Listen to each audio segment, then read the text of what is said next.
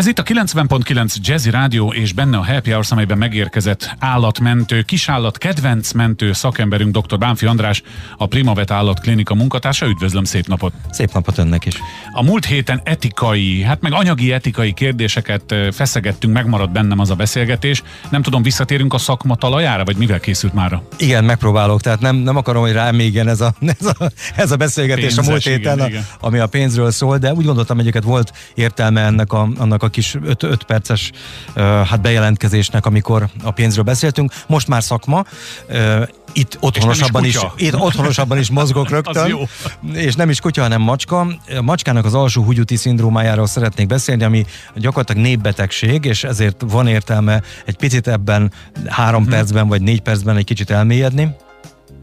A következő a helyzet, van egy olyan megbetegedése általában a kandúr macsekoknak, vagy macskáknak, ami egy hólyaggyulladás forma tulajdonképpen. A hólyagban keletkeznek ilyen apró kis kristályok, homokszemek, kristályok, és jelentős mennyiség ilyen fehérjedús váladék, amely ott felhamozódik a hólyagban, és elkezd ürülni a húcsőben. Most a kandúroknak a, az anatómiája, az egy ilyen különleges anatómia, abból a szempontból, hogy egy S alakú kanyart vet a húcső, és a pénisz előtt pedig egy jelentős jelentős szűkület, anatómiai szűkülete is van. Most ezek azok az S alakú görbületek, illetve szűkületek, ahol ezek esetleg lerakódnak, és akkor el is tömíthetik a húcsövet, és ez egy életveszélyes állapotot, veszélyes, életveszélyes állapotot hoznak létre. Olyannyira, hogy akár hát nyilván meg is halhat bele a macska, hogyha ez kezeletlen marad, tehát életveszélyes helyzet. Na és akkor jön a kérdés, hogyan ismerjük fel, felismerhető ideje korán, vagy már csak akkor látjuk, amikor nagy a baj?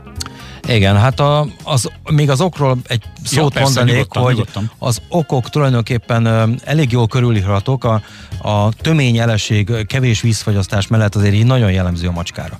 Tehát szeretik a száraz tápot, de nem nagyon szeretnek inni, és a kettő kombinációja azért egy nagyon sűrű, kemény vizeletet hoz mm. majd létre a végén.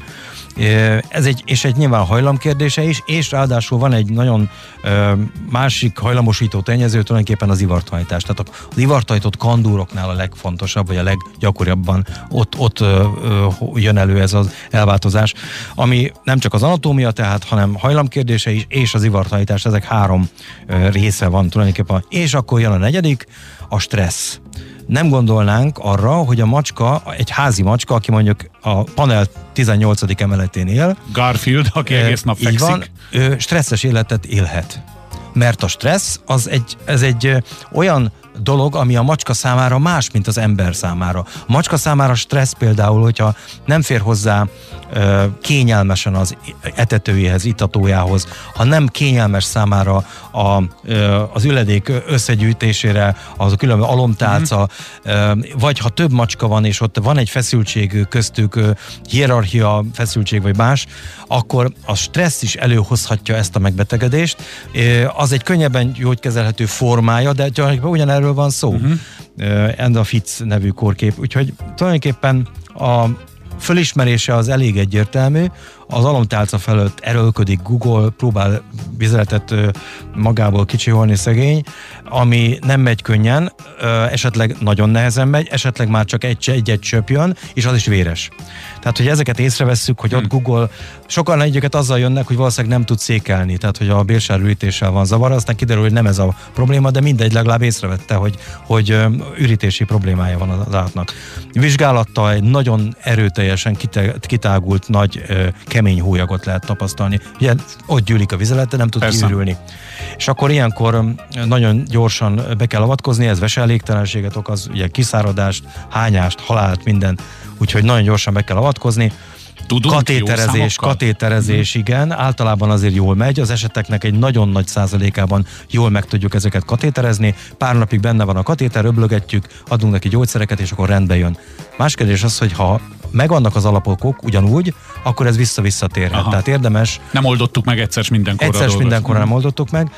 Sok esetben olyan gyakran visszajön, hogy már stómázni kell a cicát, ez azt jelenti, hogy, hogy egy sebészeti beavatkozás keretében anatómiai változást kell létrehoznunk, ki kell kerülni azokat a szűkületeket, Aha, tehát ki kell varni a, a húcsövét egy olyan szakaszon, és akkor tulajdonképpen úgy fog vizelni, mint egy nőstény macska a kannúr is, ami nem egy ördögtől való dolog, de hát mégiscsak egy nagy májor beavatkozás, ha el lehet kerülni, nyilván el Kerülj. kell kerülni. Hogyan lehet elkerülni?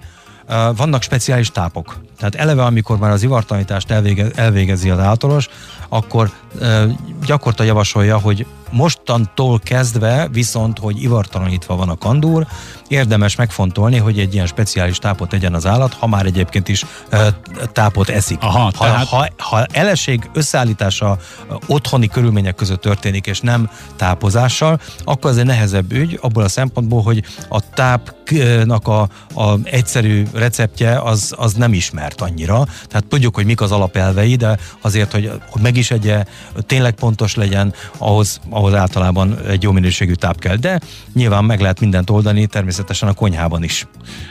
Meg kell valljam őszintén, hogy néha ér, felötlött a fejemben az a gondolat, amikor bementem egy ilyen tápszerboltba, vagy kutya eledel, kutya macska eledel boltba, hogy sok pénzért a semmit akarják lenyomni a torkomon, de ez egy abszolút saját magán vélemény. Van ilyen cicomázott, olyan föl van, ilyen vitamin, olyan vitamin, de akkor ezek szerint oda kell, hogy kiukadjak, hogyha az állatorvos azt mondja, hogy az ivartalanítás után ezt a tápos kaját tegye, akkor nem azért van, mert ott volt nála a tápgyártónak az orvoslátogatója, ja, hanem egyszerűen erre tényleg szükség lehet. Igen, tehát Elnézést, hogyha érve, ilyen... ilyen... Teljesen jogos, amit, amit ő mond, és tulajdonképpen nem is tudok ellene, ellene tenni, hiszen azért mégiscsak egy iparról van szó. Persze. De, de azt érdemes megfontolni, hogyha diétás, diétás tápot ír föl az állatorvos májbetegségre, veselégtelenségre, valamilyen felszívódási zavarra, vagy akkor az, az nem az a, az a kereskedelemben egyébként a polcról könnyen levehető táp, amit egyébként minden sarkon lehet kapni, hanem csak speciális üzletekben, ilyen állatorosi patikákban lehet ezt kapni. Nem is olcsók ezek, viszont gyógyítanak. Tehát az egy másik kategóriája Világos, a tápmegadásnak. Nagyon jó, hogy ezt mondta, és ezt reméljük a kedves hallgatók is észben tartják. Köszönöm szépen dr. Bánfi Andrásnak, a Primavet állatklinika munkatársának, hogy itt járt, járjon erre a jövő héten is. Megpróbálok, rendben van.